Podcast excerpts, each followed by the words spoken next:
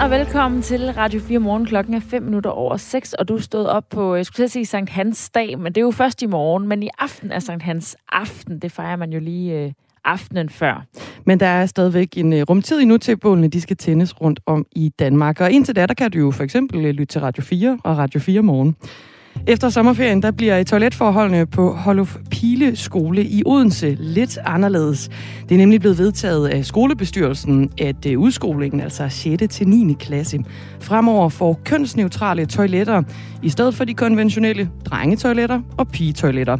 Og udviklingen med, at folkeskoler aktivt tager stilling til spørgsmålet om toiletforholdene, og hvorvidt de fagner den gruppe af elever, man har på skolen, bliver bakket op af danske skoleelever. Det er en historie, vi dykker ned i om et kort øjeblik. Og så er det altså ikke uden grund, at en del naboer til letbanen i Odense har følt sig generet af larm og rumlen og vibrationer. Det bliver nemlig bekræftet af kontrolmålinger på 10 udvalgte adresser, der alle ligger få meter fra letbanestrækningen. Og der er på flere adresser markante overskridelser af de vejledende grænseværdier for vibrationer og lavfrekvent støj. De støjplade naboer til letbanen i Odense skal genhuses, så lød det fra Søren Vindel, der er by- og kulturrådmand i Odense Kommune. Og det kommer altså efter, at rådmanden for en uge siden brugte to nætter i lejligheder tæt på letbanen for ligesom selv at opleve støjgenerne. Og følge ham føltes det nærmest som et tordenvejr, der var på vej. Hør mere om den historie klokken lidt over halv syv. Og så skal vi også omkring kultur i uh, lidt mere end en forstand. Sommeren er nemlig proppet med festivaler, cykelløb og andre store begivenheder. Men flere arrangører de har svært ved at skaffe nok frivillige hænder til at stå for sikkerhed og tømme skrald og guide gæsterne. Men er danskerne egentlig blevet øh, trætte af at være frivillige? Det spørger vi en forsker i frivillighed om klokken cirka kvart i syv. Og så er der premiere på en ny film om kongen af rock and roll i dag, og klokken kvart over seks taler vi med manden bag det danske Elvis Museum, Henrik Knudsen, om den her nye film om Elvis. Og hvorfor Henrik Knudsen øh, ikke nødvendigvis deler anmeldelserne sådan lidt lunkende modtagelse. Klokken er 8 minutter over 6. Du lytter til Radio 4 morgen med Astrid Date og Dagmar Eden Østergaard. Godmorgen. Godmorgen. Efter sommerferien bliver toiletforholdene på Holuf Pile Skole i Odense lidt anderledes. Det er nemlig blevet vedtaget af skolebestyrelsen, at 6. til 9. klasse fremover får kønsneutrale toiletter, i stedet for drenge- og pigetoiletter. Og udviklingen med, at folkeskoler aktivt tager stilling til spørgsmålet om toiletforholdene, og hvorvidt de fagner den her gruppe af elever, man nu engang har på skolen, bliver bakket op af danske skoleelever. Inden vi kommer så langt, så starter vi lige med at sige godmorgen til Mads Sørensen Jensen. Hej. Godmorgen. Du er elevrådsformand på øh, førnævnte Holof Pile Skole i øh, Odense. Og efter sommerferien her, der starter du i 9. klasse. Det er på dit initiativ, at øh, skolebestyrelsen har vedtaget forslaget om kønsneutrale toiletter. Hvorfor mener du, det er nødvendigt at indføre kønsneutrale toiletter på din skole? Jamen, det startede, jeg startede med, at øh, jeg var sådan en naturstopmøde. Øhm, og så synes jeg ikke i folkeskolen, at man havde repræsenteret kønnene nok, øh, alle de forskellige køn, der nu er. Øh, og man føler sig som, og at der ikke nogen, der skulle sådan, øh, blive holdt udenfor. Øh, også selvom det er den her minoritet, det nu er. Har I flere forskellige køn øh, på din skole end drenge og piger? Hvad, hvad du ved af, med Sørensen Jensen? Ikke lige umiddelbart, men jeg Øh, jeg ved, at der er nogen, der ikke ligesom... Øh, jeg ved, jeg ved, at der er nogen, der, jeg ved, at der i hvert fald er en, der er transkønnet. Øh, og øh, jeg tror helt klart, at der er mange flere, der føler sig sådan. I første omgang øh, så er initiativet med de kønsneutrale toiletter på folkeskolen i øh, Odense, vi altså taler om her, det er en forsøgsordning, og derfor så er det også kun øh, de store klasser, man øh, indfører dem i. Senere der skal skolebestyrelsen så tage stilling til, om man vil beholde forsøgsordningen med de kønsneutrale toiletter, øh, og også om, om det skal bredes ud til hele skolen. Erklæret kønsneutrale toiletter, det er øh, noget, der allerede er blevet etableret flere andre steder. Men der er altså endnu ikke særlig mange folkeskoler, der aktivt har taget skridtet. Af andre eksempler, der kan man øh, nævne Københavns Universitet, der har indført kønsneutrale toiletter, ligesom også øh, offentlige toiletter i både Aarhus og København er blevet gjort kønsneutrale. Øh, det er jo, som vi også nævnte til at starte med, en idé, der er spiret inde, inde i dit hoved med Sørensen Jensen. I hvad for en grad tror du, at du også vil komme til at opleve reaktioner fra elever, der ikke er lige så positivt stemt over for ideen her, som du selv er? Ja, altså, jeg tror, folk de har været sådan lidt de synes at jeg har allerede hørt et par ting, fordi de allerede så kørt rundt sådan lidt i skolerne, eller på skolen, at, uh, at de har hørt det. Jeg ved ikke, hvad de hørte derfra. Men de, de er med sådan lidt, uh, de synes, det er åndssvagt, uh, og, uh, og uh, at, at man ikke, hvad hedder det, at man, at man ikke synes, det er, sådan, det er helt rigtigt, men nogen kan også godt forstå det. Og så har jeg så tidligere skoleelever, som jeg kender, har faktisk øh, tilbage i tiden, der har de haft en kønsneutrale toiletter, men det er derefter så har gjort dem til kønsopdelte toiletter. Hvor vi, så, har tænkt os at ændre dem til toiletter. Okay, så det kan også være, at øh, udviklingen den kommer til at gå måske i den modsatte retning igen efter den her forsøgsordning, forestiller du dig? Øhm, jeg håber ikke, det gør, men jeg kan godt sådan have luret det lidt. Kunne man lave en løsning måske, hvor man ikke laver alle toiletterne om til kønsneutrale toiletter, men siger, her har vi nogle drengetoiletter, her har vi nogle pigetoiletter, og så har vi dem for, øh, for alle?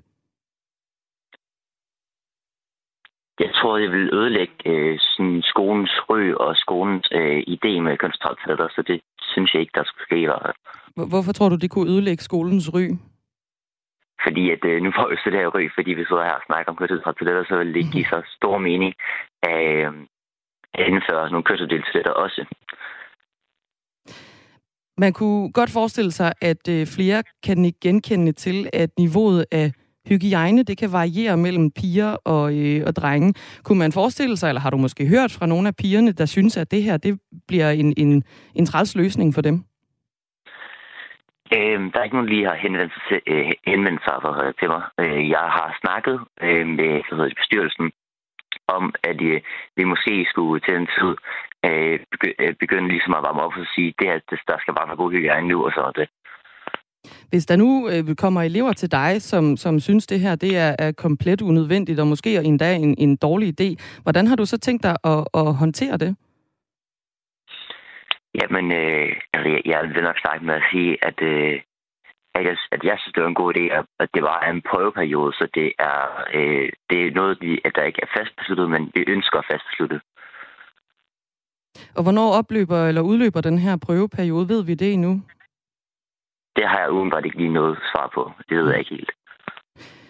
Hvis du nu skal være helt ærlig her afslutningsvis med Sørensen Jensen, øh, i hvor høj grad er det her så et mere øh, symbolsk tiltag, end det er et tiltag, der rent faktisk løser et problem på din skole? Jeg synes, at, øh, at, at, åh, det skulle så også på, synes jeg. Øhm, jeg synes, det er sådan et, øh, både et symbolsk tiltag, men også øh, et, øh, et, en okay god løsning, fordi at vi får øh, både den her sådan, idé om, øh, hvordan det faktisk skal være at bo på, eller være på toiletter sammen med andre, og, øh, og om andre, andre køn også. Øh, men det er også en god løs, løsning for dem, der øh, øh, måske føler sig ude, og de så bliver repræsenteret alligevel. Mads Sørensen Jensen, elevrådsformand på Holof Pile Skole i Odense, som altså er øh, idémanden bag kønsneutrale toiletter. Du skal have tak, fordi du stod tidligt op med Radio 4 morgen. Vi kan også sige uh, godmorgen til Marie Holt Hermansen, som uh, tiltræder som formand for Danske Skoleelever den 1. juli, altså om ikke så forfærdeligt mange dage. Det her det er øh, også et emne, som øh, optager dig og øh, jeres organisation, og du bakker op om skoler som Holof Pile Skole i Odense, som tager den her aktive stilling til toiletforholdene. Hvorfor mener du, kønsneutrale toiletter i folkeskolen er en ting, der skal bakkes op om? Jamen øhm, for os så handler det jo rigtig meget om at fagne altså den brede elevmængde. Og vi tror på, at når skoler de ligesom sætter sig ned og siger, hvad passer godt for vores elevmængde, hvordan har, har vores elevgruppe det, og så siger, jamen på vores skole, der kan det være fedt med nogle kønsneutrale toiletter, så tror jeg også, at vi kommer længst på vores skoler, og vi skaber det tryggeste miljø at være elev og ung i og finde ud af, hvem man egentlig er. Hvorfor skaber det tryggere skoler? Jamen, øhm, for os så handler det her med at skabe trygge skoler jo om, at alle elever de føler sig set og hørt. Og derfor så har har vi jo også taget det standpunkt, der hedder, at øh, de her kønsopdelte toiletter måske også skal gå i hånd øh, med de kønsneutrale toiletter, fordi at, at alle elever skal kunne se sig selv et eller andet sted på deres skole. Og når en skolebestyrelse går ind og snakker med eleverne, som de har gjort her på Holof Pile skole, så kan man jo kun klappe i hænderne, fordi så er det eleverne, der har fået lov til at sige, hvad de har behov for, hvordan kommer de til at føle sig set, og så er det blevet hørt og udført. Og det tror jeg er med til at skabe et trygt fællesskab på en skole. Det her spørgsmål om kønsneutrale toiletter i folkeskolen, det er øjensynligt noget, som optager folkeskoleelever. I hvert fald så er der flere af dem, som er engageret i danske skoleelever, som øh, hvor der blev stillet et forslag på en landskonference i øh, november, som skulle arbejde for kønsneutrale toiletter. Øh, det her forslag det blev vedtaget, men det er stadigvæk ikke en del af sådan den officielle politik, som er skrevet ned. Men det tegner altså et billede af, at det er et initiativ, der bakkes op om, at der bliver lavet kønsneutrale toiletter på, på de danske folkeskoler. Og, og du har sagt til os, at du gerne så, at flere skoler tog aktivt stilling til spørgsmålet om kønsneutrale toiletter. Hvorfor mener du, at der er et behov for det?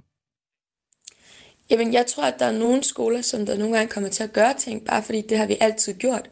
Og så er man måske ikke opmærksom på, at, at deres elever begynder at blive optaget af nogle andre ting, fordi netop som du siger, at det her med kønsneutrale toiletter, det fylder rigtig meget hos rigtig mange elever, fordi at elever har et kæmpestort ønske om at, at, at inkludere og omfavne hinanden. Og hvis at sætte sig ned og snakke med eleverne og tage stilling til, så skal vi ikke komme og sige nødvendigvis, hvad det rigtige eller forkerte svar er.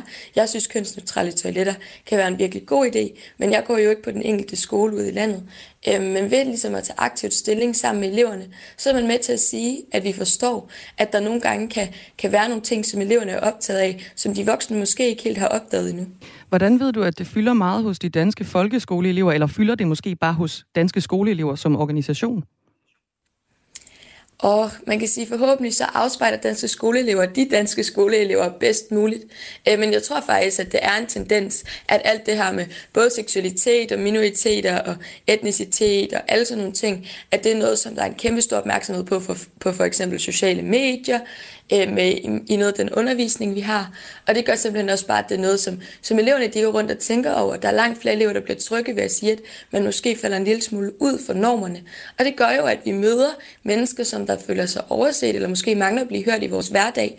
Og så netop fordi, at, at de danske skoleelever og unge på mange måder er rigtig empatiske og har lyst til at omfavne deres klassekammerater, så bliver det bare et spørgsmål, som der bliver rejst. Og det tror jeg, man kan se som en klar tendens på mange skoler der er jo nok nogen, der vil forholde sig kritisk i forhold til behovet for at, at tale om kønsneutrale toiletter i, i folkeskolen. Og nogen vil nok også pege på, at det er et forholdsvis altså småt mindretal, som bliver taget hensyn til, hvis man indfører kønsneutrale toiletter. Hvor, hvor småt skal sådan et mindretal være, før danske skoleelever ikke vil gå ind aktivt og kæmpe for at inkludere dem på den ene eller den anden måde? Man kan sige, at vi kæmper jo for at inkludere alle mindretal. Øhm, og det er jo også derfor, vi har sagt, jamen det kan det være, at der er nogen, der har det bedre med, at der også er et pigetoilet eller drengetoilet, og det kan være godt, at man får lov til at bruge det. Øh, men umiddelbart så er det jo ikke noget mindretal, der er for lille til, at, at de skal kæmpes for. For os tror jeg også, det handler mindre om den enkelte handling med, hvilket toilet man går ind på, men i højere grad om den sådan samfundsnorm og de rammer, der er i vores skole. Fordi hvis vi laver unødvendig kassetænkning øh, på vores skoler, så kommer der også til at ske unødvendig kassetænkning omkring andre ting. Så jeg tror også i højere grad, det er en symbolsk handling for at gøre eleverne opmærksom på, at man skal omfavne de elever, der ikke kun ligner en selv sagde Marie Holt Hermansen, tiltrædende formand for Danske Skoleelever. Klokken er 19 minutter over 6, og du lytter til Radio 4 morgen. Og vi har fået nogle øh, sms'er på det her, øh, den her debat, altså om hvorvidt man skal have kønsopdelte toiletter på øh, skolerne, eller et helt tredje toilet i virkeligheden til dem, der har intet køn. I hvert fald så bliver der lavet kønsneutrale toiletter på Holof Pile skole i Odense. Og til det, der er der en, der skriver, kønsneutrale toiletter er der virkelig så mange drenge og piger, der ikke ved, hvad det betyder at have en tissemand og en tissekone. Det er da blevet et totalt modefænomen. Igen bestemmer mindretallet, og flertallet tør ikke sige fra. Pigerne skal nok blive trætte af, der er tis på bræt og gulv. Godmorgen. Inge skriver også, stop nu vanvittigt. Der er to køn, hankøn og hunkøn. Verden er sgu ved at blive kugleskør, skriver hun. Øh, og så er der en, der skriver, hvorfor er det en ting med toiletterne? Man går ind på toilet og låser døren efter sig. Da jeg gik i skole, var der toiletter, ikke piger, drengetoiletter. Og det var altså en ny skole bygget i 1973, så det her med det er jo ikke alle skoler, som i forvejen har det opdelt mellem piger og drenge, men det har det altså været på Rudolf Pile skole i Odense. Og man kan sige, her der har vi jo nogle øh, sms'er, hvor øh, lyttere øh, hvor I jo ikke synes, at det her er nødvendigvis et hensyn, man skal tage. Og vi havde her i Radio 4 morgen, jeg tror det var i sidste uge, mm. en undersøgelse med øh, Michael Bang-Petersen, der er adfærdsforsker på øh, Aarhus Universitet, der havde undersøgt øh, sådan noget, øh, de kaldte det lidt wokeness, altså det her med øh, ja, altså de her politiske dagsordner, nye politiske dagsordner. Mm. Og der var det altså 70 procent, der mente, man ikke skulle tage hensyn til non-binære hensyn. Altså, så øh, de repræsenterer måske et flertal. Men det kan jo være noget andet, for det er jo voksne mennesker. Og nu taler vi altså om øh, folkeskoleelever, og har netop talt med danske skoleelever, som mener, at det er altså et hensyn, man skal tage. I hvert fald så skal I have tak for sms'erne, når I byder ind. Vi sætter øh, altid pris på hver en. De kommer ind på nummeret, der hedder 1424. Det blå hjørne er Radio 4's nye debatprogram med de mest markante borgerlige stemmer. Jeg er fløjtende ligeglad med, hvilken farve folk har. Der er mange blå partier, og de langer også ud efter hinanden. Hvordan i alverden kan det være i Danmarks interesse ikke at give sig selv den mulighed? Er de overhovedet enige om noget? Det, det, det, det trigger det? mig, fordi... Er de nej, det, nej, nej, nej, lad, lad mig nu lige tale ud. Og hvad ved de egentlig i det blå hjørne? Jeg føler en større forpligtelse til at hjælpe ukrainerne, og jeg har også en større lyst til det. Lyt med i morgen kl. 11. Radio 4 taler med Danmark.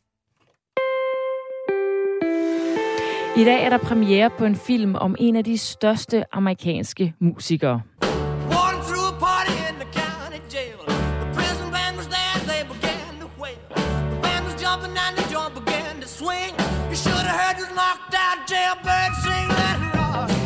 Han synger rock Elvis og bliver også kaldt The King of Rock and Roll, og øh, filmen bærer samme navn som kunstneren selv, nemlig Elvis. Og den fortæller øh, om øh, de til tider problematiske forhold, der var mellem Elvis og hans manager Tom Parker. Henrik, øh, Henrik Knudsen er ejer af det, der hedder Memphis Mansion i Randers, et museum om, om Elvis. Godmorgen. Godmorgen. Og du har allerede set filmen. Kom der noget frem, som du øh, ikke vidste i forvejen, nu du jo er øh, ejer af et museum? Nej, det tror jeg ikke, der gjorde. Øh, man kan sige, det er jo en, øh, det er sådan en klassisk historie om den amerikanske drøm, det der at komme fra ingenting, og så blive så vanvittigt stor. Øh, men øh, men den, den er flot lavet, og øh, jeg synes, den giver et, øh, et, et flot indsigt i, øh, hvordan det, det var at øh, være Elvis Presley, og så have en manager, som var lige så karismatisk som sig selv nærmest. Hvordan synes du, at det her forhold mellem Elvis og hans manager er portrætteret i filmen? Altså, det er skåret knivskarpt op. Man kan godt se, hvad det er, de vil fortælle i filmen. Det er jo klart, det skal lige pointere, det er jo ikke, hvad hedder det, en, dokumentation, en, en dokumentar. Det er jo en, en drama-ting. Øh, og, øh, og øh, hvad hedder det, Bas Luhrmann, produceren, har jo brugt... Øh, øh, de kunstneriske friheder, man nu har til en gang imellem for at, ligesom at understrege nogle ting. Men jeg synes, det er en rigtig, rigtig god film, som en rigtig, rigtig god film. Hvor, hvor ser du dig lidt skruet lidt ekstra op fra instruktørens side af?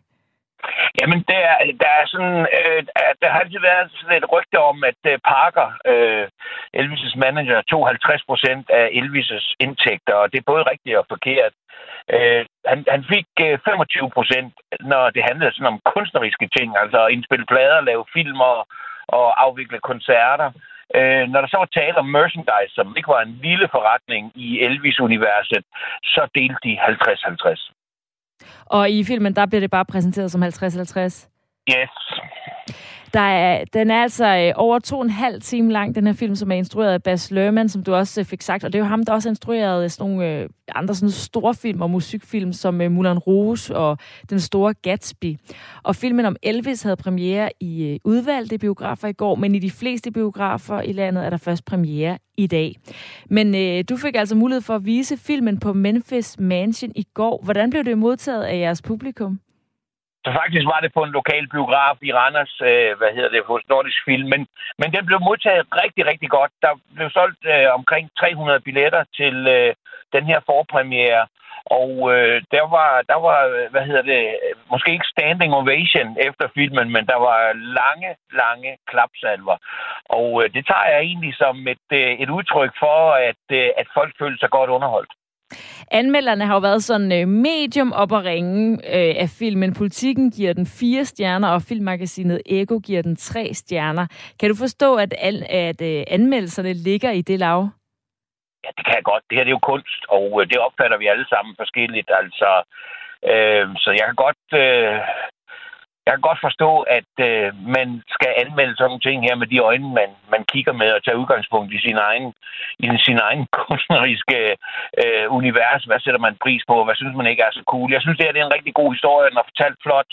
Den er, den er produceret sindssygt flot. Man kan godt se, at der er brugt rigtig, rigtig mange penge på og, øh, og, og lave den her, den her film. Og, øh, og jeg synes måske 3 og 4 stjerner, det er okay, men, øh, men øh, ja, det ved jeg ikke. Det, det er smag og behag. Ja, hvad, hvad vil du selv give den? Jamen, det, altså nu ved jeg ikke, om med seks stjerner er top. Jeg vil sige, den, det er ikke en seks stjerner film, øh, eller seks stjerner film, øh, men, men i mit univers er det så en fem stjerne.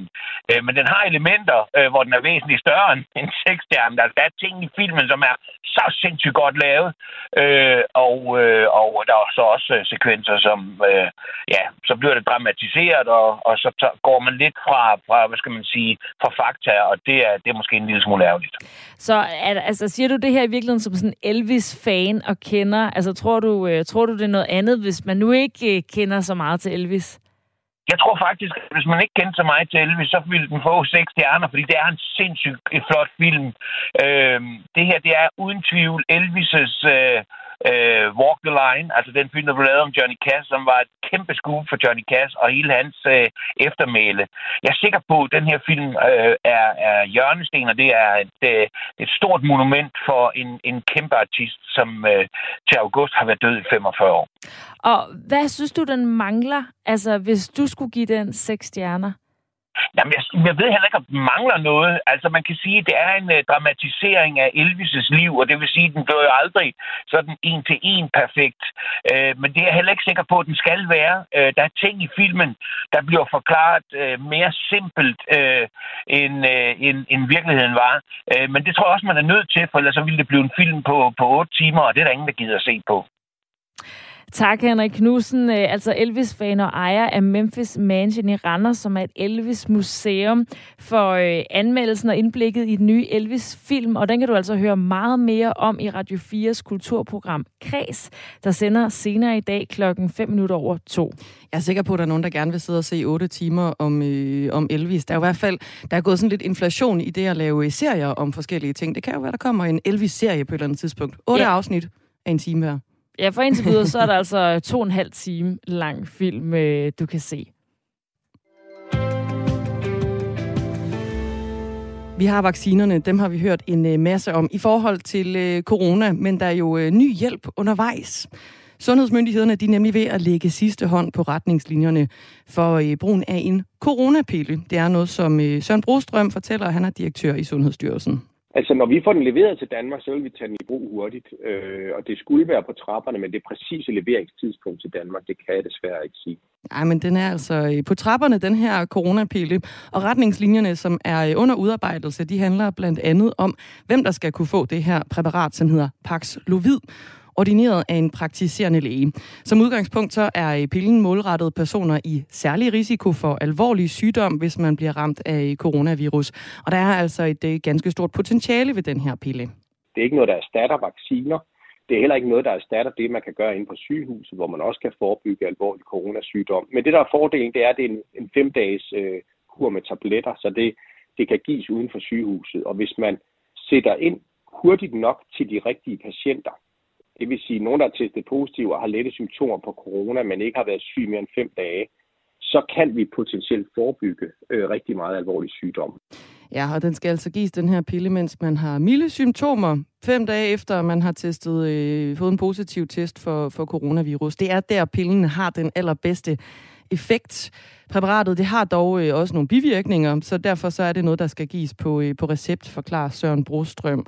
Øh, gennem hele pandemien, der har man jo sådan set godt kunne få en eller anden form for lindrende behandling over for, øh, for corona, men øh, Paxlovid har givet sådan de mest lovende resultater indtil videre af noget, øh, direktøren her han, øh, han forklarer. Så nu er der altså øh, nyt, et nyt lægemiddel undervejs, som øh, ikke modsat de midler, vi indtil videre har kendt, skal, øh, som er blevet givet øh, Øh, gennem drop. Nu bliver det altså som en, øh, en lille tablet, du spiser som en, øh, en slags pillekur mod corona.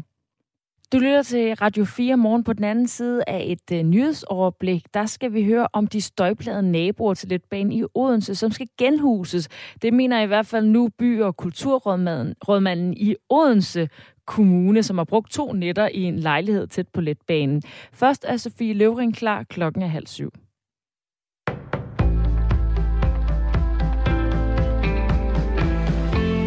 Regeringen vil forebygge partnervold med skærpet anmeldepligt. Blandt andet så skal en skolelærer fremover være forpligtet til at indberette det til kommunen, hvis vedkommende får mistanke om, at en elev overværer vold i hjemmet. Også jordmøder skal være klædt på til at opspore tegn på vold i hjemmet, når de møder deres gravide patienter. Så lyder nogle af de 22 initiativer, som regeringen har fremlagt i et nyt udspil.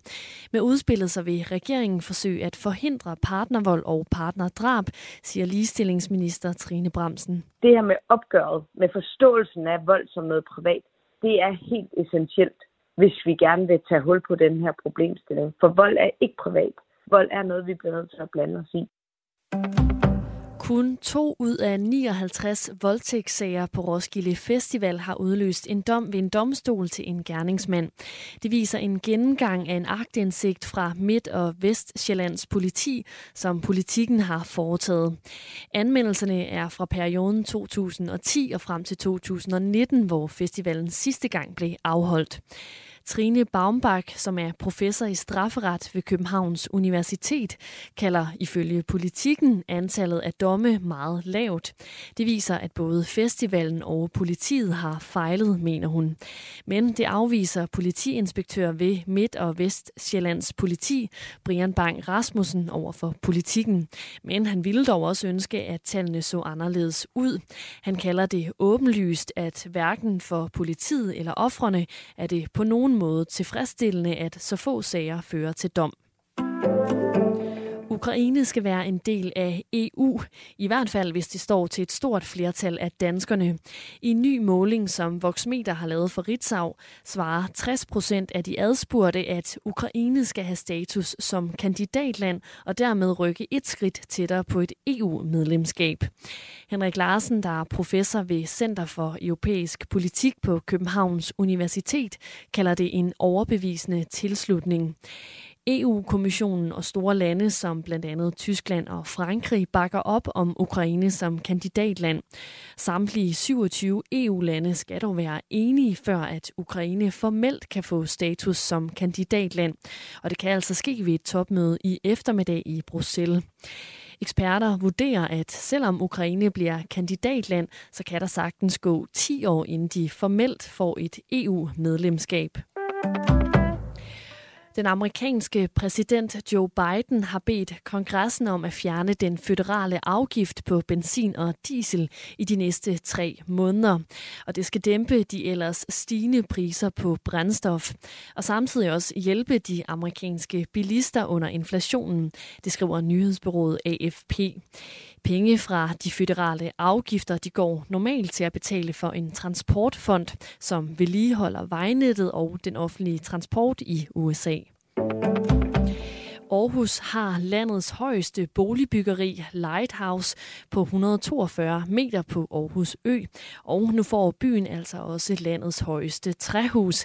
Det er pensionsselskabet PFA, som vil bygge en 78 meter høj kontorbygning af træ. Og planen det er så vidt muligt at bruge genbrugsmaterialer.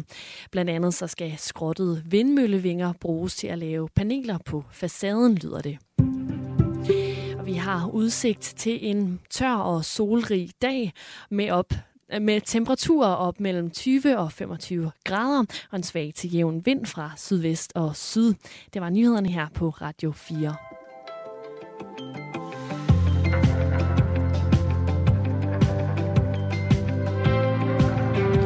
Fire minutter over halv syv. Du lytter til Radio 4 morgen. Vi skal tale om en dyb rumlen, nærmest som et øh, tordenvejr. For sådan beskriver Odenses øh, by- og kulturrådmand Søren Vindel lyden fra letbanen, efter at have overnattet hos støjplade naboer. Derfor så vil han have genhuset dem, som er værst ramt af støjen fra letbanen i Odense. Og det er altså ikke uden grund, at en del naboer til letbanen har følt sig generet af sådan larm og rumlen og vibrationer. Det bliver øh, nemlig bekræftet af kontrolmålinger på 10 udvalgte adresser, der alle sammen ligger få meter fra letbanestrækningen, at der på øh, flere adresser er markante overskridelser af de vejledende grænseværdier for vibrationer og lavfrekvent støj. Historien om larmen, den har vi øh, her på øh, Radio 4 Morgen også tidligere beskæftiget os med, da vi var i Odense, dagen før letbanen åbnede for cirka en måned siden. Allerede dengang, der talte vi med frustrerede naboer, som for eksempel Jesper Tinggaard Sørensen, der bor ud til letbanen i Odense. Den støj, vi oplever her, det er jo selvfølgelig både, øh, både lydmæssig støj, men vi har den, der er værre, det er den lavfrekvente og vibrationsstøjen. Altså en, en støj, der kommer ud af vibrationerne. Og den, øh, den kan man mærke i kroppen. Og det, det er den, der er mest stressende. Senere på morgenen, der taler vi med Lotte Krog Iversen, der har været så påvirket af støj fra letbanen, at hun kun få gange har sovet i sit eget hus. Det er klokken 25 minutter i øh, 8. Vi hører også øh, rigtig gerne fra andre naboer til letbanen i Odense. Du kan skrive ind og fortælle os, hvordan du er påvirket af støjen, og hvad du vil sige til at blive genhuset, sådan som øh, Søren Vindel foreslår. Godmorgen. Godmorgen. Du er by- og kulturrådmand i Odense Kommune. Hvorfor mener du, det er nødvendigt at genhuse de støjplagede naboer? Nu har jeg jo haft øh, øh, oplevelsen, Lotte også har. Jeg har sovet ude i hendes øh, hus sammen med hende en, en, en nat, og, og jeg kan godt forstå, at man ikke kan sove i, øh, i den larm, det, det giver. Jeg kunne også se, hvordan det påvirker hende. Altså det der med ikke at få sin nattesøvn, det påvirker også ens evne til at gå på arbejde dagen efter og, og, og give den alle, hvad man har der. Øh, det, det kan vi jo ikke være bekendt. Det skal vi have gjort noget ved. Og det øh, har jeg opfordret lidt banen til på et møde i går, og det har de taget til sig. Ja, hvordan har de taget det til sig? Jamen, det er sådan så, at letbanen ikke lige har, har hjemmel til at gøre det, så derfor har de rettet henvendelse til taxationskommissionen for at få dem ind i sagen nu, både i forhold til, øh, til, til eventuelle øh, det, der hedder af, aflastningsnetter, men også for at se, er der, er der øh, basis for, at der er nogle steder, hvor man skal hen og give en erstatning eller, eller ekspropriere et hus. Du vil jo gerne have, have de her personer, der er naboer til letbanen, genhuset, efter du har overnattet hos dem. Øh, der har, altså nogle af dem, der har været plaget af, af støj. En nat på øh, Vestre Stationsvej i Odense, og den anden nat på Nyborgvej i Odense. De her to netter, hvordan oplevede du selv dem? De var meget forskellige. Altså på, på Vesterationsvej, der var letbanen lige op af huset. Der var altså husmuren, der var et fortog, der var en cykelsti, og så kom letbanen. På Nyborgvej, øh, der lå den med en vejbane imellem, den lå længere væk. Nyborgvej var også et hus, der ikke var, var øh, renoveret på samme måde som, som Lottes hus. Lottes hus, det er, det er nyrenoveret, det er de mest moderne vinduer, der er i. Det var det ikke på, øh, på, på Nyborgvej, det var enkeltglasruder med, med forsatsvinduer ude foran. Det, det gør jo også, at man ikke får dæmpet støjen øh, så meget øh, den vej rundt. Og det skal jo siges, at på begge veje har der jo været meget trafikstøj i forvejen. Der kører også stadigvæk lastbiler. Du kan hele tiden høre, at der er en trafikstøj ude foran. Men den bliver jo voldsommere, når der kommer det her tordenvejr, når letbanen kommer. Og, og Lottes situation er uholdbar. Hun kan ikke være i, i sit eget hjem. Øh, det synes jeg, vi skal tage hånd om. Men hvor mange huse drejer sig om, og hvor mange der skal det, det vil jeg egentlig lade, lade, lade letbanen og, og beboerne finde ud af. Hvad, hvad, hvad, hvad skal vurdere de kriterier? Ja, og Lotte Krog Iversen, som du henviser til her, Søren Vindel, hende taler vi altså med senere på morgenen. Mm. Odense Letbane har jo øh, modtaget 139 klager over øh, støjgenerne i sådan større eller mindre grad fra, øh, fra letbanen. Så hvor mange mener du egentlig, der bør blive genhuset? Det har jeg ingen anelse om, fordi der er jo, der er jo der, hvor det, øh, der, der er en skala her, der går fra, det er, det er træls, at man kan høre den, til at det er, det er jo fuldstændig uholdbart, at man kan ikke være i sit eget hjem, som, som det Lotte hun oplever. Og det er der andre end, end jeg som politiker, der skal ud og vurdere, hvad er situationen i det enkelte hjem. Det, det må de tage sig i. Jeg siger bare, at jeg har et ansvar som, som politiker, jeg har et ansvar over for mine borgere, og det skal vi tage på os, og det synes jeg også Letbanen har gjort nu. Der har også været et møde med borgerne i går, og jeg håber også på, at de kan komme hurtigt i gang med at få afklaret, hvad kan lade sig gøre, der er jo forskellige muligheder for os at, at kigge på det her. Dels med at sænke farten, der er den måde, man, man smører hjulene på, og der er sådan andre tiltag, man, man hurtigere kan gøre. Øh, fordi situationen den er uholdbar, som den er nu. Ja, der er jo også blevet lavet nogle kontrolmålinger, der viser, at, øh, at støjniveauerne de er altså over, over grænserne ved, ved 10 forskellige ja. Øh, steder. Øh, hvordan forestiller du dig, at det skal foregå, det her med en genhusning af, af nogle af de borgere, der, der bor langs letbanen? Jamen det kan jo være forskellige, hvordan man kan gøre det. Det ligger der nogle helt klare regler for, hvad man må. Det er jeg ikke ekspert i. Det jeg er bange for, det jeg er nervøs for, det er, at når den her rapport, den nu den kommende i går, så er der en entreprenør, som jo ikke har leveret det produkt, vi har betalt for. Altså det, vi har jo købt en vare, vi ikke har fået. Og der står, begynder nu et, et, et slagsmål nok med dem om, hvad skal der ske? Og det jeg er nervøs for, det er, at de starter med at betvivle den her rapport. Så der skal laves en ny rapport af en uvildig, som alle kan anerkende. Og jeg er bare bange for, at det her det ender i et eller andet juridisk slagsmål med borgerne som tabere, fordi de aner ikke noget. Der er ikke nogen, der kan gøre noget for dem, og det skal vi altså tage ansvar for. Og derfor er jeg glad for, at Letbanen har taget fat i taxationskommissionen, så vi kan komme i gang med det her. Så du mener også, at det er øh, altså Letbanen, der har ansvaret for at betale for en genhusning? Nej, det mener jeg sådan set ikke. Jeg mener, det er Letbanen, der har ansvar for at sørge for, at det er Komsa, der betaler for den, for det er dem, der ikke har leveret det produkt, vi har betalt for. Når det her det nu er så øh, vigtigt, og ligger der så nært Søren Vindel, hvorfor betaler Odense Kommune så ikke for, at øh, nogle af de her borgere kan blive genhuset med det samme? Det er der udenbart ikke lovhjemmel til. Øh, og det er jo det, som øh, det kender man jo alt for godt efter det ord. Og det er jo det, der gør, at, at hvad er det, øh, vi kan gøre som kommune? Jamen, vi er simpelthen, som politikere, kan vi sige til letbanen, I skal tage det her alvorligt. Det føler jeg, at de gør. De er allerede taget fat på egen initiativ på, på taxationskommissionen, og er i gang med at se, hvad kan lade sig gøre, og starte en dialog med dem. Men det er vel Odense Kommune, der har øh, bestemt og besluttet, at der skal være en letbane og har, og har fået, den, fået den oprettet. Hvorfor har I ikke været mere opmærksom på den her risiko, der er for støj?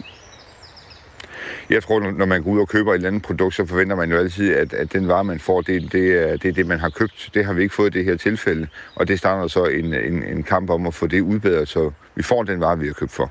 Og i den periode, indtil det er gjort, der er jeg nervøs for, at de borgere her ender i en klemme. Det vil jeg gøre alt, hvad jeg kan for, at de skal undgå, og derfor er jeg også glad for, at Letbanen de nu har taget fat i taxationskommissionen, for at se, om vi kan komme videre med det her. Ja, det kan jo blive en, øh, en lang og smertefuld klemme, de kan sidde i de her borgere, fordi vi ved vel ikke mm. endnu, hvornår øh, der kan lande en løsning. Nej, der er givet en frist på 14 dage til, til, til Komsa og, og Statler, som er dem, der har leveret øh, letbanen og letbanetogene til, at de skal komme med, med hvad, hvad, hvad de kan gøre. Og så er der nogle initiativer, der kan i gang sættes hurtigere, blandt noget omkring øh, den fart, letbanen kører med og, og, og andre ting. Øh, vi må stadigvæk afvente også det møde, der kommer i dag mellem letbanen og, og Komsa og Stadler, hvad, hvad de også siger. Sådan lød det fra øh, Søren Vindel, der er by- og kulturrådmand i Odense Kommune. Odense Letbane øh, ønsker ikke at stille op til interview, men øh, bestyrelsesformanden bestyrelsesformand Jesper Rasmussen, han skriver følgende i en pressemeddelelse. For alle de berørte naboer er hele situationen meget beklagelig. Det gør dybt indtryk på os at høre om de gener, som letbanen skaber. Og jeg kan love, at vi arbejder intensivt med alle tænkelige midler og idéer for at komme til bunds i de støjudfordringer, vi står med. Desværre kan jeg ikke love en hurtig løsning. Vi står med en kompleks udfordring, og det vil tage tid at afdække alle de forhold, som i større eller mindre grad påvirker lyden fra tog og skinner. Odense Letbane har dog øh, tilvejebragt et nyt initiativ, de vil øh, gå i gang med. Det er sænkningen af letbanetogenes hastigheder i køreplanens ydertimer og på sådan de mest øh, berørte delstrækninger, altså dem, som er mest berørt af, af støj. Og det vil øh, så forlænge køretiderne en, øh, en smule med typisk 1-2 minutter, hedder det, for den samlede strækning. Men altså så vidt et, et, en potentiel løsning. Øhm, om en time, der taler vi som sagt med Lotte Krog Iversen, som er meget generet af støjen her fra, fra letbanen, og som også hilser forslaget fra Søren Vindel om at blive genhuset velkommen. Godmorgen. Er det ikke en nyhed, at Inger Støjberg holder pressemøde i dag? Nu har der været spekuleret meget i hendes person på det sidste, skriver Vestjyden med en lille smiley. Og øh, det er der selvfølgelig, og det er også noget, som øh, vi dykker ned i på Radio 4 morgen. Tidligere folketingsmedlem og udlændingeminister for Venstre, Inger Støjberg, holder nemlig pressemøde nær sin hjemby Hadsund kl. 13 i dag. Og vi skal snakke med vores politiske redaktør lidt over 8 om, hvad der egentlig kan komme ud af det. Så øh, hæng på, og så taler vi mere om det senere den her morgen. For jo, det er da klart en nyhed, at hun øh, holder pressemøder. Vi har jo også øh, talt meget om Inger Støjberg. Det har rumsteret de sidste par dage, må man sige.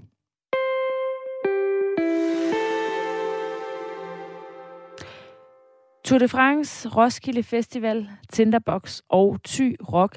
Det er blot øh, nogle af de arrangementer, der over de næste uge skyder sommeren i gang og samler sports- og musikglade danskere. Og jo nærmest en rigtig for første gang efter de seneste år med coronakrise. Men flere af sommerens store arrangementer har svært ved at skaffe frivillige nok. Og det er en ret stor frustration for flere arrangører. En af dem er Hans Peter Jarl Madsen, som er formand for Ty Rock. For tre uger siden, der manglede festivalen halvdelen af de 1.100 frivillige, som de skal bruge. På et tidspunkt for en tre uger siden, der så det jo ualmindeligt øh, svært ud. Og, øh, og der sad vi jo og kiggede lidt ned i bordet, og skyerne var ved at trække sig op omkring os, øh, hvor alle vores frivillige øh, de var henne. Også virksomheden Volt, der tilbyder opladning af mobiltelefoner på flere af sommerens festivaler, har mærket det her problem. De mangler næsten en tredjedel af de frivillige, de har brug for. Og det kommer bag på Frederik Du Jensen, der er direktør i Volt. Ja, normalt synes vi, at vi har rigtig god opbakning, også fordi vi er, vi er et brand, der plejer at være på festivalen. Folk ved, at øh, man kan være frivillig hos os øh, normalt. Så det har været en overraskelse for os i år, at, øh, at det har været så ekstraordinært svært. Og en, der måske kan forklare, hvorfor er Helle Hykom Espersen, som er chefanalytiker hos VIVE. Godmorgen. Godmorgen. Du forsker nemlig i frivillighed og civilsamfund. Er danskerne bare blevet trætte af at være frivillige? Nej, det er slet ikke det, der er på spil. Det, der er sket, er jo, at øh, under to års coronakrise, der var det jo især alle de her store arrangementer, som var ramt af nedlukninger. Det vil sige, de var fuldstændig lukket ned. Der var mange andre civile tilbud, som sådan ligesom snodede sig lidt igennem. Men de her store arrangementer, som vi kan huske det, de blev fuldstændig lukket ned. Og det betyder, at alle de frivillige, som har været i netværk omkring alle de her festivaler, de har jo fundet andre ting at lave. Øh, så, så, så derfor så er det svært at få fat i dem, fordi man sidder ikke og venter i to år. Øh, det er jo forvejen sådan nogle lidt løse netværk, der er omkring de her sådan episodiske aktiviteter, som vi kalder det. Så derfor så, øh, så mange af netværkene, de simpelthen gået i stykker under corona og skal bygges op igen. Og hvad vil det sige? Hvad er et øh, frivilligt netværk, som øh, jo nu er så svært for sommerens store arrangementer at få fat i? Jamen altså, vi ved fra, øh, fra forskning, at frivillighed er især netværksbaseret. Det vil sige, at langt de fleste bliver frivillige, fordi de bliver spurgt. Og frivillighed er især næret af netop relationer og netværk. Og når mange netværk så ligesom går i opløsning under coronakrisen, så finder vi andre ting at lave, og så skal de ligesom øh, bygges op igen. Det er, det, det, det, langt de fleste bliver frivillige, fordi de bliver spurgt, og der er ikke ret mange, som bare sådan melder sig som person til sådan nogle store arrangementer. Som regel gør man det sammen med nogen, man kender, eller fordi man bliver spurgt, eller i en gruppe, eller et eller andet. Det er meget netværksbaseret. Flere af sommerens store arrangementer har haft øh, svært ved at skaffe de frivillige, de har brug for, som øh, vi taler om her. Og blandt andet, der mangler Roskilde Festival, som åbner i øh, overmorgen. Ifølge arrangørerne stadig 10 procent af de 30.000 frivillige, der er brug for. Frederik Du Jensen, der er direktør i Vold, kan se flere grunde til, at det er svært at skaffe frivillige hænder. I virkeligheden så er det jo nok en, en blanding af, af, af en del faktorer, og nogle af de teorier, der er derude, det er, er der der er andre store arrangementer, der foregår samtidig. Tour de France, øh, landstævne, øh, andre ting, som, som foreninger, øh, som suger foreningsfrivillige.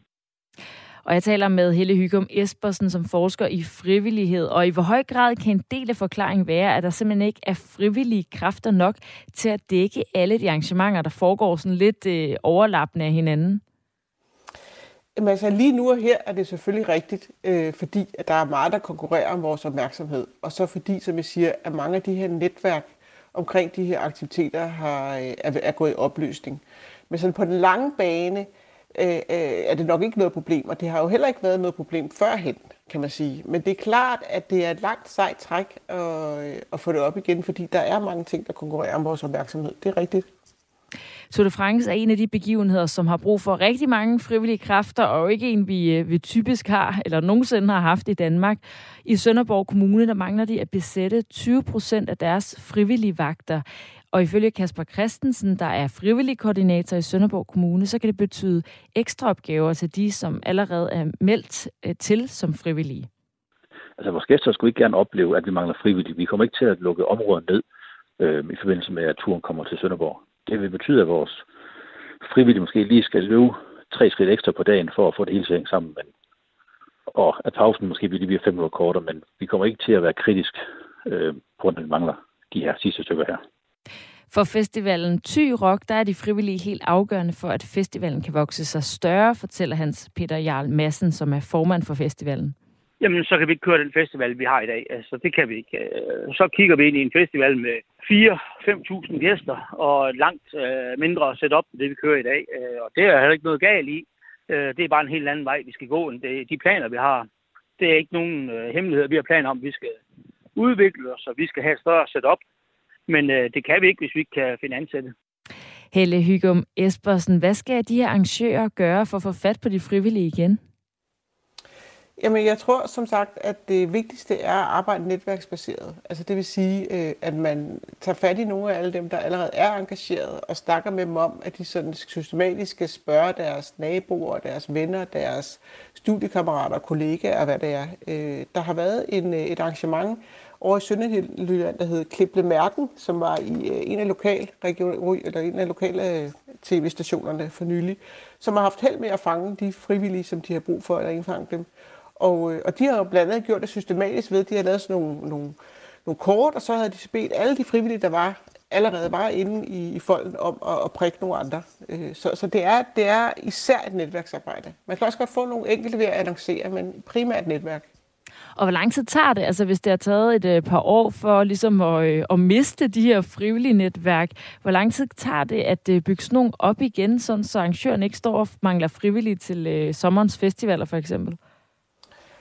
Altså, det har vi jo aldrig set nogen fortilfælde af før, øh, så det er næsten umuligt at sige. Men, men altså på, på den lange bane er jeg ikke så bekymret, fordi frivilligheden har inden corona været meget, meget, meget stabil, helt tilbage til 2004. Så, øh, og, og, så jeg tror, jeg, jeg tror nok, at det skal lykkes, men, men det kan godt tage noget tid. Hvor lang tid, det tør jeg simpelthen ikke sige noget om. Og hvorfor er det, altså det, det her med at være frivillig, er det, altså, er det fordi det der med, at det, altså, det, det kan man ikke ligesom øh, selv skulle til at sige, tænke sig til kunne være sjovt. Altså man har brug for at prøve det, før man ved, at det er noget værd at gøre noget øh, gratis for at hjælpe. Ja, altså man, man er som regel i et fællesskab. Man er et sted i en sammenhæng, hvor der er nogen, der spørger dig, hvor du får ideen, øh, hvor, du, hvor du er sammen med nogle andre, som du kan følges med. Øh, altså sådan en klassisk historie er, at øh, du går med dine børn til fodbold, og så lige pludselig holder fodboldtræneren op, og så er der nogen, der spørger dig, om, øh, om ikke du vil være fodboldtræner. Eller om du vil komme på lørdag og stå i, øh, i boden og sælge pølser, eller hvad det måtte være. Øh, altså, det, det, det, det er ekstremt netværksbaseret. Så du lyder ikke, som om du er så bekymret for fremtiden, Helle Hygum Espersen. Ikke på den lange bane, nej. Tak fordi du var med i Radio 4 Morgen, øh, Helle Hygum Espersen, som altså er chefanalytiker hos VIVE og forsker i frivillighed og civilsamfund. Klokken er 8 minutter i syv. Og nu stiller vi spørgsmålet. Hvordan reagerer en elefant på, at en anden elefant dør? Det snakkede vi faktisk også om i går. Ja, øhm, så har du svaret. Ja, præcis. Øh, hvad hedder det? Fordi ja, det er der nemlig en gruppe forskere, som har undersøgt. Øh, men ja, du får lov at fortsætte. Jeg kan også øh, give et, øh, et svar her. Det er en gruppe forskere fra Smithsonian Conservation Biology Institute i USA, som har øh, undersøgt, hvordan en re- elefant reagerer, hvis øh, en af vennerne dør. Det er videnskab.dk, der bringer historien. Forskerne har brugt YouTube til at iagtage asiatiske elefanter, der kan være svære at studere på grund af deres ellers øh, sådan sky adfærd. Og ved at gennemgå 39 videoer, så har forskerne dokumenteret, at elefanterne reagerer på forskellige måder. Ofte så er det ved at øh, berøre deres øh, døde artsfælde med, med snablen, og andre gange så er det ved at øh, sådan, ja, trompetere eller brøle. Øhm, I nogle tilfælde, der stod elefanterne også vagt over den døde. De holdt sig tæt på og sov i nærheden og forsøgte også at jage nysgerrige mennesker væk. Studiet her viser, at der i hvert fald er en bestemt adfærd særligt rettet mod døde medlemmer af elefantflokken. Men det betyder altså ikke, at elefanterne de sådan decideret sørger, sådan som vi måske kender det fra os selv. Det fortæller Jens Malmqvist, der er seniorforsker ved Aarhus Universitets Institut for Husdyrvidenskab. Der er ingen tvivl om, de reagerer på den døde artsfælde, men om de føler sorg, det, er sådan, det har de faktisk ikke vist i den her undersøgelse, fordi der er en, der er en masse andre forklaringer på, på adfærden. Ifølge Jens Malmqvist så skyldes reaktionerne med en stor sandsynlighed, at elefanterne generelt er sociale dyr, og derfor så er det ikke ualmindeligt, at de i en periode viser en interesse for en død artsfælde. Altså det, vi mangler at vide fra den her undersøgelse, det er for eksempel, hvordan reagerer en, en elefant på at møde et, et andet dødt dyr, øh, som ikke er en, et gruppemedlem for eksempel. Øh, er reaktionen anderledes, hvis det er en, som de har været bundet til i mange år? Så kunne man måske sige, at, at der var en, øh, en øh, form for specialreaktion her. En anden ting er jo det der med at bære unge. Øh, det ser vi også tit hos, hos andre dyr. Hvis der er en død unge, så er, er mødrene jo simpelthen så motiveret for at passe de her unger, så de kan godt fortsætte med at interessere sig for ungen selv efter, øh, at, at den er død.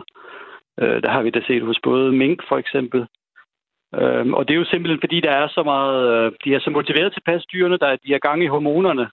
Så derfor kan de godt finde på at, at bære rundt på, på en død unge. Øh, en anden ting er det med at undersøge ting, der pludselig er anderledes. Øh, vi kender det også fra grupper af heste. Hvis der er en død hest, så, så vil de typisk gå hen og skrabe i jorden og snuse og undersøge. Øh, ja, så, så det er jo sådan mere de oplagte forklaringer på den akutte reaktion over for et dødt individ i gruppen. Jens Malmqvist øh, har ikke arbejdet med elefanter, men han har forsket i blandt andet grise og i mink. Og det tyder altså på, at nogle dyr i hvert fald besidder en eller anden form for følelser.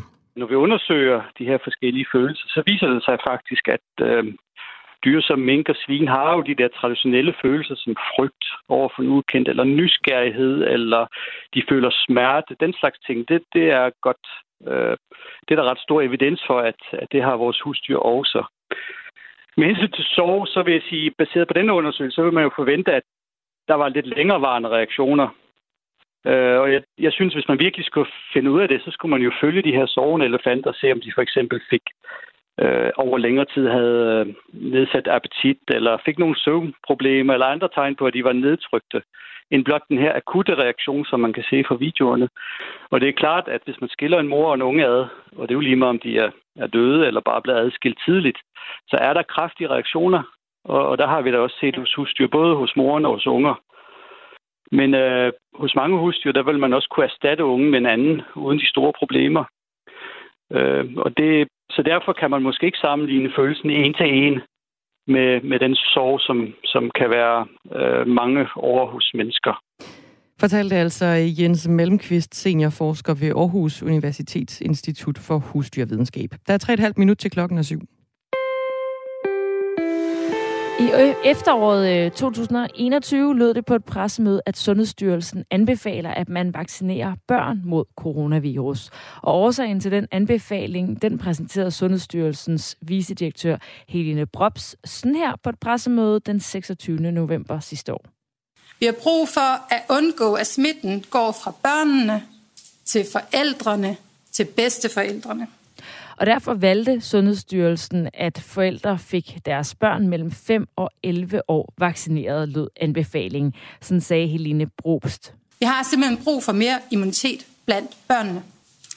Vi har foretaget en meget grundig faglig gennemgang i forhold til vaccination af børn, og øh, vi har i dag øh, lagt et notat, et langt notat frem, som man kan gå ind og læse på Sundhedsstyrelsens hjemmeside, hvor vi redegør for baggrunden for beslutningen om at anbefale vaccination af børn mellem 5 og 11 år mod covid.